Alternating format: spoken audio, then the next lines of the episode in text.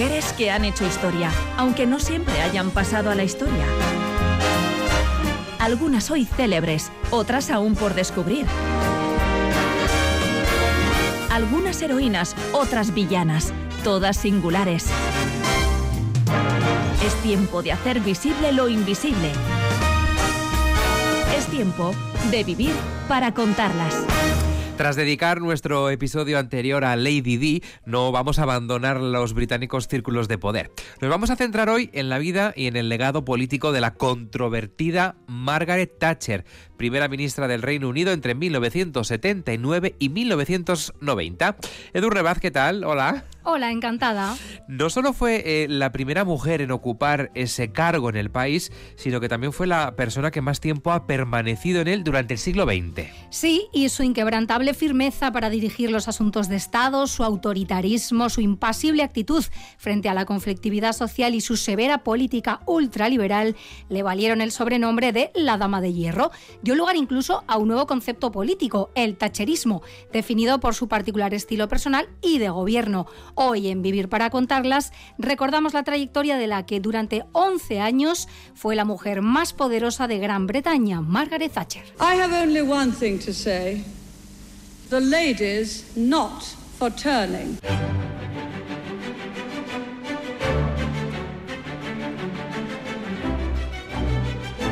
Y vamos a reconstruir la vida de esta política de Iron Lady, también llevada por cierto al cine, y lo vamos a hacer desde su nacimiento. Margaret Hilda Roberts nació el 13 de octubre de 1925 en Grantham, es una ciudad del condado británico de Lincolnshire. ¿Cómo era la familia en la que nació? Bueno, se crió junto a su hermana Muriel en el modesto apartamento situado encima de la tienda de comestibles que regentaban sus padres. Además de tendero, su padre, Alfred, era un predicador metodista de ideas liberales muy activo en la política local, que llegó a ser alcalde de Grantham entre 1945 y 1946 y que sin duda, cabe pensar, sembró en su hija el interés por la política. La joven Margaret, alumna aplicada, obtuvo una beca que le abrió las puertas de la elitista Universidad de Oxford, donde estudió química y derecho, tanto durante sus años de estudiante como durante sus primeras experiencias laborales en el campo de la química, mantuvo vivo su interés por la política, implicándose activamente en las juventudes del Partido Conservador. Fue en aquel círculo, en una cena con amigos comunes, donde conoció al que se convertiría en su marido, principal apoyo y confidente, el rico, exitoso y divorciado empresario Dennis Thatcher.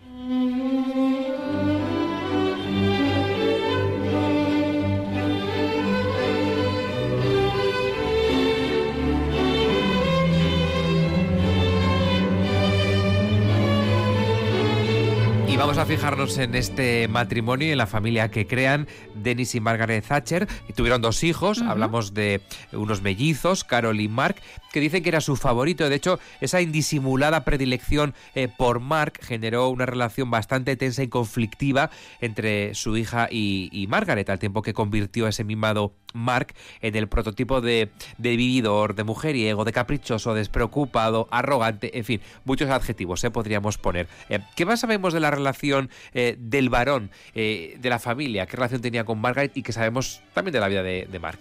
Bueno, muchos oyentes, sobre todo los espectadores de la serie de Crown, recordarán que el bueno de Mark acabó protagonizando uno de los capítulos más singulares de la trayectoria de Margaret Thatcher como primera ministra cuando desapareció durante seis días en el desierto del Sáhara mientras participaba como copiloto en el París-Dakar de 1982. Aquel joven de 28 años que no consideró necesario prepararse para participar en la carrera, tuvo que ser finalmente rescatado por la Fuerza Aérea Argelina en una carísima operación de búsqueda que también incluyó a una escuadrilla francesa y a un avión Hércules de la RAF que movilizó el gobierno británico a instancias, claro, de su preocupada madre, que era además la primera ministra.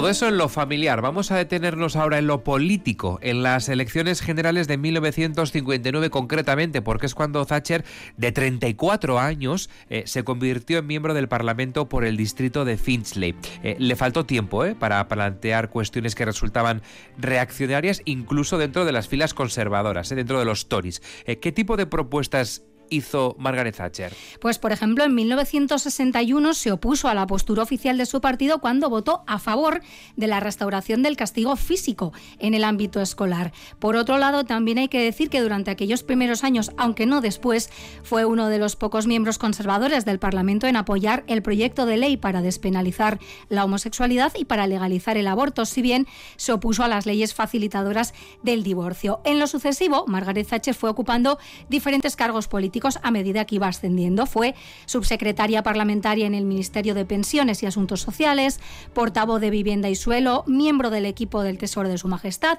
o ministra de Educación y Ciencia en el gobierno de Edward Heath tras las elecciones de 1970. Fiel a su política ultraliberal, impuso recortes del gasto público en el sistema educativo estatal que, entre otras cosas, se materializaron en la supresión de la leche gratuita para los alumnos de entre 7 y 11 años que se estaba sirviendo y esto le valió ya su primer sobrenombre mediático que fue el de la ladrona de leche. En 1975 Margaret Thatcher venció a Edward Heath en las elecciones internas del Partido Conservador, convirtiéndose en la primera mujer en dirigir una de las principales organizaciones políticas del Reino Unido, además, claro, de en líder de la oposición. Para entonces, Maggie ya había empezado a trabajar en su imagen personal y de forma específica en su voz. Usted parece y habla como una esposa conservadora de clase media alta. Y ese voto ya lo tenemos. Tiene el pelo muy bonito, pero hay que hacer algo con él para darle más... Importancia. Sí, darle más impacto. Pero lo principal es la voz. Tiene un tono muy alto y carece de autoridad. ¿A la excelentísima señora le gusta chillar demasiado? El votante no quiere verse arengado por una mujer o intimidado. Persuadido sí, ese desde luego. Al final de la entrevista eh, tiene autoridad. Esa es la voz de un líder. Así es. Verá, está muy bien que hablemos de cambiarme la voz, señor Rhys. Pero que algunos de mis colegas me vean como su líder es como imaginar... No sé decirle, que siguieran a su criada la batalla. Es mi procedencia y mi sexo.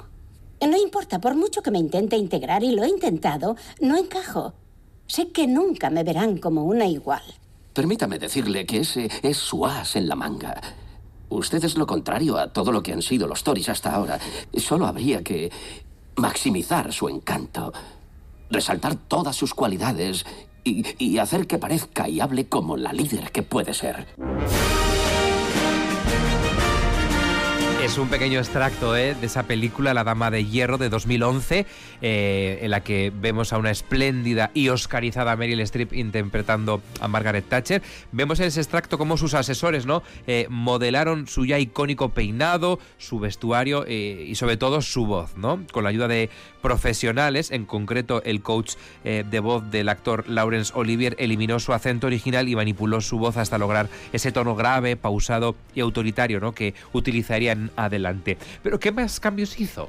Bueno, en lo relativo a su estilo personal, Margaret Thatcher no solo intentaba abrirse paso en un mundo de hombres, sino también en adelante dejar claro que se trataba de la primera mujer en ostentar el cargo de primera ministra. Es uno de los ejemplos más mencionados cuando se habla del power dressing, ¿no? del uso de la imagen y de la moda para transmitir una imagen de poder. Ella convirtió el sobrio traje de chaqueta y falda en su uniforme personal, introduciendo siempre elementos tradicionalmente femeninos como los collares de perlas los broches, los guantes, los grandes pendientes, las blusas con lazada en el cuello o sus rígidos y característicos bolsos que acabarían cobrando un protagonismo inesperado. Tal es así que su forma de negociar se acabó conociendo como la diplomacia del bolso o handbagging. Como la propia Isabel II, Margaret Thatcher también siempre llevaba encima su bolso y como la monarca logró establecer con él un lenguaje simbólico y paralelo. Tal y como recogió la BBC, cuando la señora Thatcher estaba realmente en contra de una propuesta, ponía su bolso sobre la mesa del despacho y sacaba de él un papel arrugado. Y repasando sus apariciones públicas, también resulta evidente que su color predilecto y más recurrente fue el azul cobalto, que era símbolo a su vez del Partido Conservador. ¿no? En general, demostró una gran habilidad para utilizar la televisión, la prensa sensacionalista o las revistas femeninas para forjar una imagen que le ayudara a lograr y más tarde conservar el poder. Y los soviéticos, que fueron los primeros en referirse a ella con el sobrenombre con el que pasaría la posteridad, entendieron pronto que se enfrentaban a la Dama de Hierro.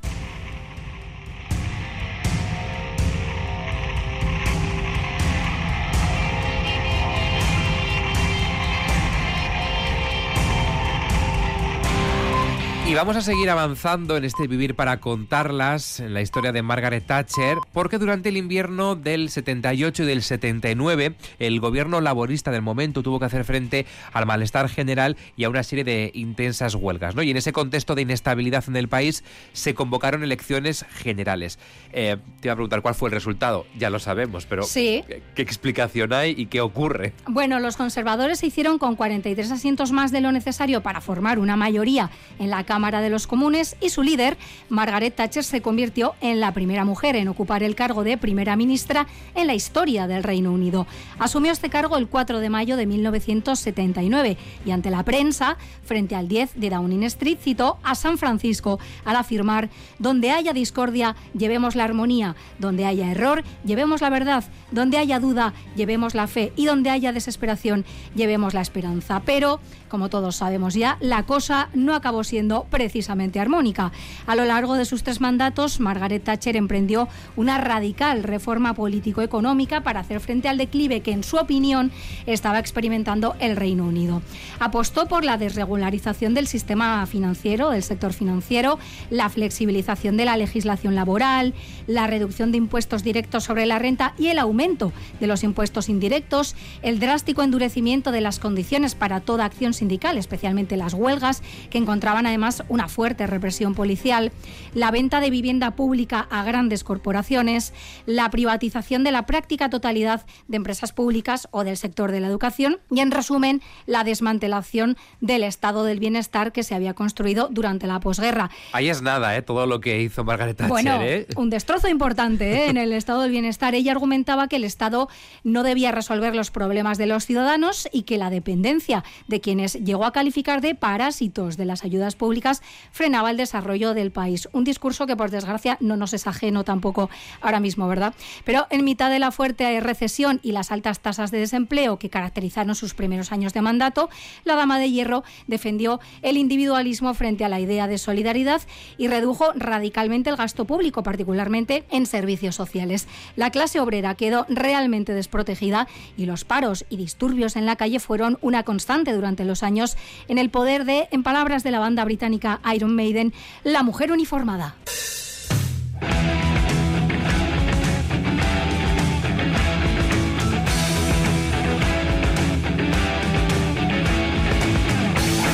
En palabras de la BBC, Margaret Thatcher logró destruir el poder de los sindicatos por casi una generación. ¿eh? La mayor confrontación entre su gobierno laborista, perdón, eh, Tory, conservador, y eh, un sindicato fue precisamente la huelga de los mineros, ¿eh? un hecho muy reseñable y muy recordado en el Reino Unido. ¿Qué ocurrió exactamente, Durne? El Consejo Nacional del Carbón propuso el cierre de un buen número de minas propiedad del Estado con el consiguiente despido de miles de trabajadores. Dos tercios de los mineros británicos declararon una huelga que acabó prolongándose un año, desde el 84 hasta el 85. La primera ministra no se mostró dispuesta a negociar ni una sola de sus demandas, impuso una despiadada represión policial de las protestas e incluso aprovisionó de combustibles las centrales para que la huelga tardara meses en causar problemas de suministro y así también restarle efecto. ¿no?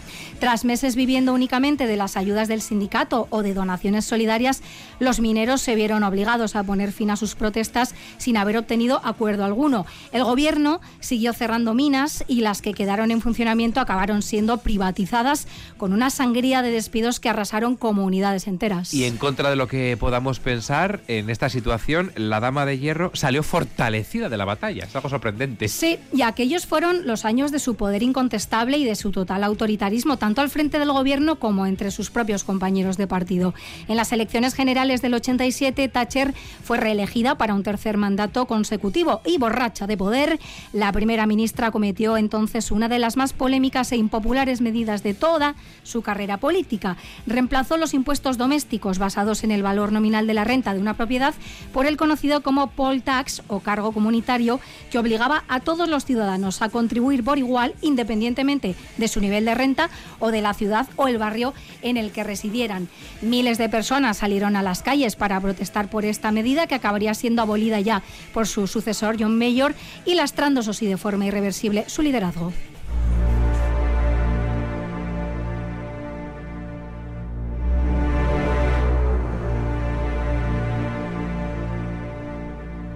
Estamos perfilando la historia de Margaret Thatcher en lo político y estamos viendo cómo precisamente en las políticas interiores, domésticas de alguna forma, fue muy feroz, ¿no? Aplicando las medidas y reformas que consideraba oportuna. Fue igualmente de dura en la política exterior, en las relaciones internacionales. Desde luego, que sí. Se alineó con las tesis militaristas y marcadamente anticomunistas de Estados Unidos y forjó una sólida alianza con el entonces presidente Reagan.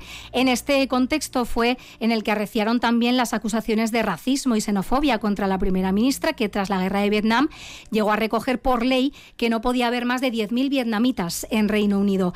A pesar de posicionarse en contra del apartheid, se opuso a las sanciones impuestas a Sudáfrica por parte de los organismos internacionales. Apoyó a los camboyanos gémeres rojos para que conservaran su asiento en las Naciones Unidas y en una de las maniobras que más caras le salieron en su momento, se opuso a cualquier forma de integración europea que implicara algo más que mera relación económicas o defensivas, aunque en lo tocante a su política exterior, el acontecimiento más determinante de su mandato fue la Guerra de las Malvinas.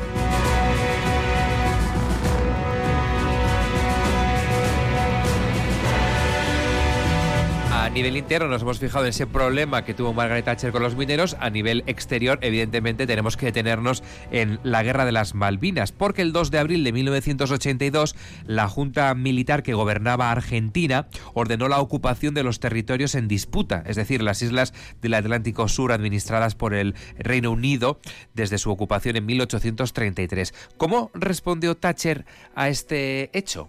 Bueno, pues con tacherismo, ¿no? La respuesta de la Dama de Hierro que consideraba la ocupación un ataque no solo a los intereses británicos, sino también a su orgullo nacional, fue como solía contundente. Desplegó una fuerza de ataque naval destinada a recuperar y defender las islas. Argentina se rindió el 14 de junio y no mucho después la propia dictadura también cayó. Tras 74 días de enfrentamientos, se estima que perdieron la vida 650 combatientes argentinos y 255 británicos, además de tres civiles. Entre las causas de la enorme pérdida de vidas se contó la decisión más polémica tomada por la primera ministra durante la guerra, el hundimiento del general Belgrano, un buque de guerra argentino que ya se estaba alejando de la zona de exclusión marítima impuesta por Londres, un hecho que para muchos de sus detractores bien podría haber justificado un juicio contra Thatcher como criminal de guerra. En cambio, la carísima operación militar que fue revestida con la mística patriótica del antiguo imperio disparó la maltrecha popularidad de Thatcher entre el pueblo británico, lo que unido a la recuperación económica de principios del 82 y a la inestabilidad en las filas laboristas contribuyó a su victoria en las elecciones generales del 83.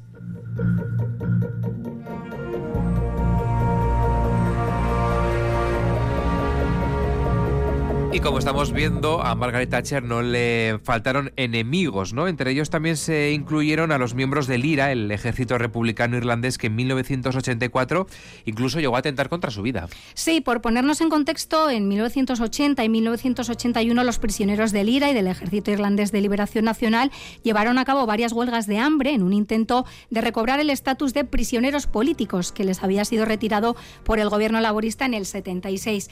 La actitud negociadora de Thatcher fue similar a la que poco después iba a mostrar con los mineros, es decir, no estaba dispuesta a ceder ni un ápice en su postura. Diez de esos huelguistas murieron de hambre y si bien se restauraron algunos derechos parciales, no obtuvieron el reconocimiento oficial de prisioneros políticos. En la madrugada del 12 de octubre de 1984, el IRA explosionó una bomba en el hotel en el que se alojaban varios miembros de su gabinete, ella incluida, de cara a la convención anual del Partido Conservador. Pese a que cinco personas murieron en aquel atentado y varias más resultaron heridas, una Thatcher imperturbable reapareció a la mañana siguiente y pronunció su discurso de inauguración de la convención como si nada hubiera ocurrido, algo que de nuevo disparó su popularidad durante los días que siguieron.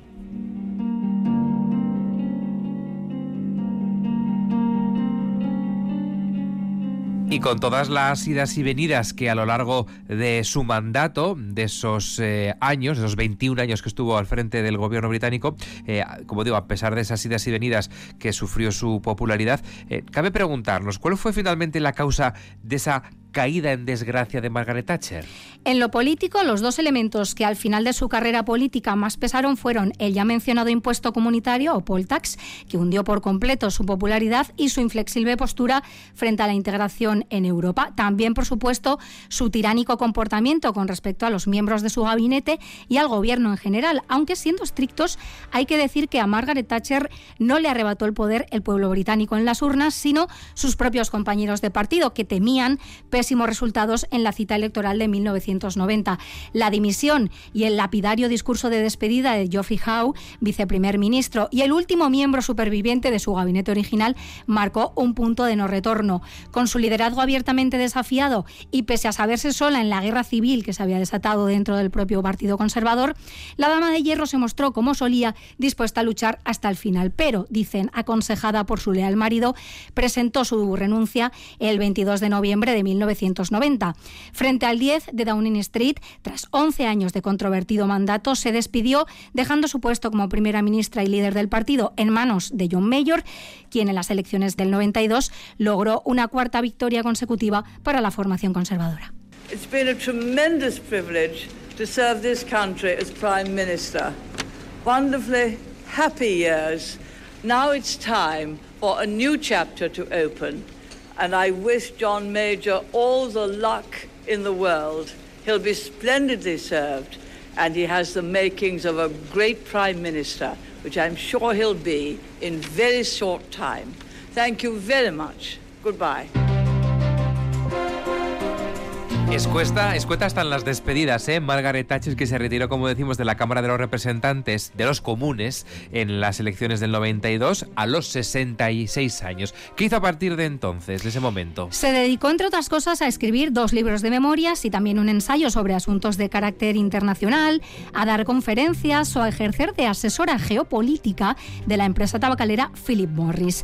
A partir de 2002, a causa de varios accidentes cerebrovasculares, se fue retirando progresivamente de la vida pública, hizo solo algunas apariciones esporádicas.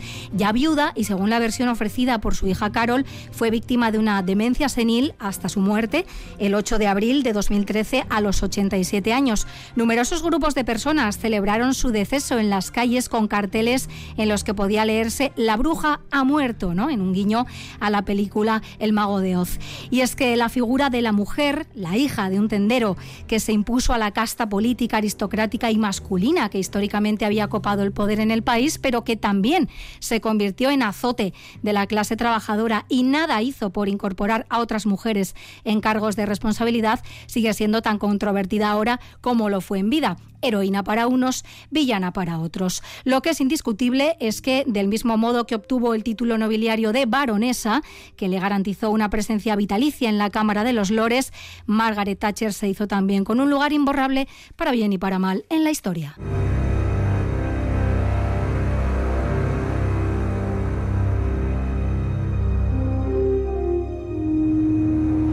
Pues esta es la historia, la vida, la obra y milagros también de Margaret Thatcher, conocida como La Dama de Hierro, que recomendamos ver la película que Sí. retrata parte de su vida e incluso también en la serie The Crown, como en este caso Gillian Anderson Maravillosa también. Gillian eh, Anderson, Y nos habla mucho también del carácter y la relación que estableció con la reina. Todo esto es Vivir para contarlas, este espacio dedicado a nuestras mujeres. Gracias, Edurne. Agur. Agur.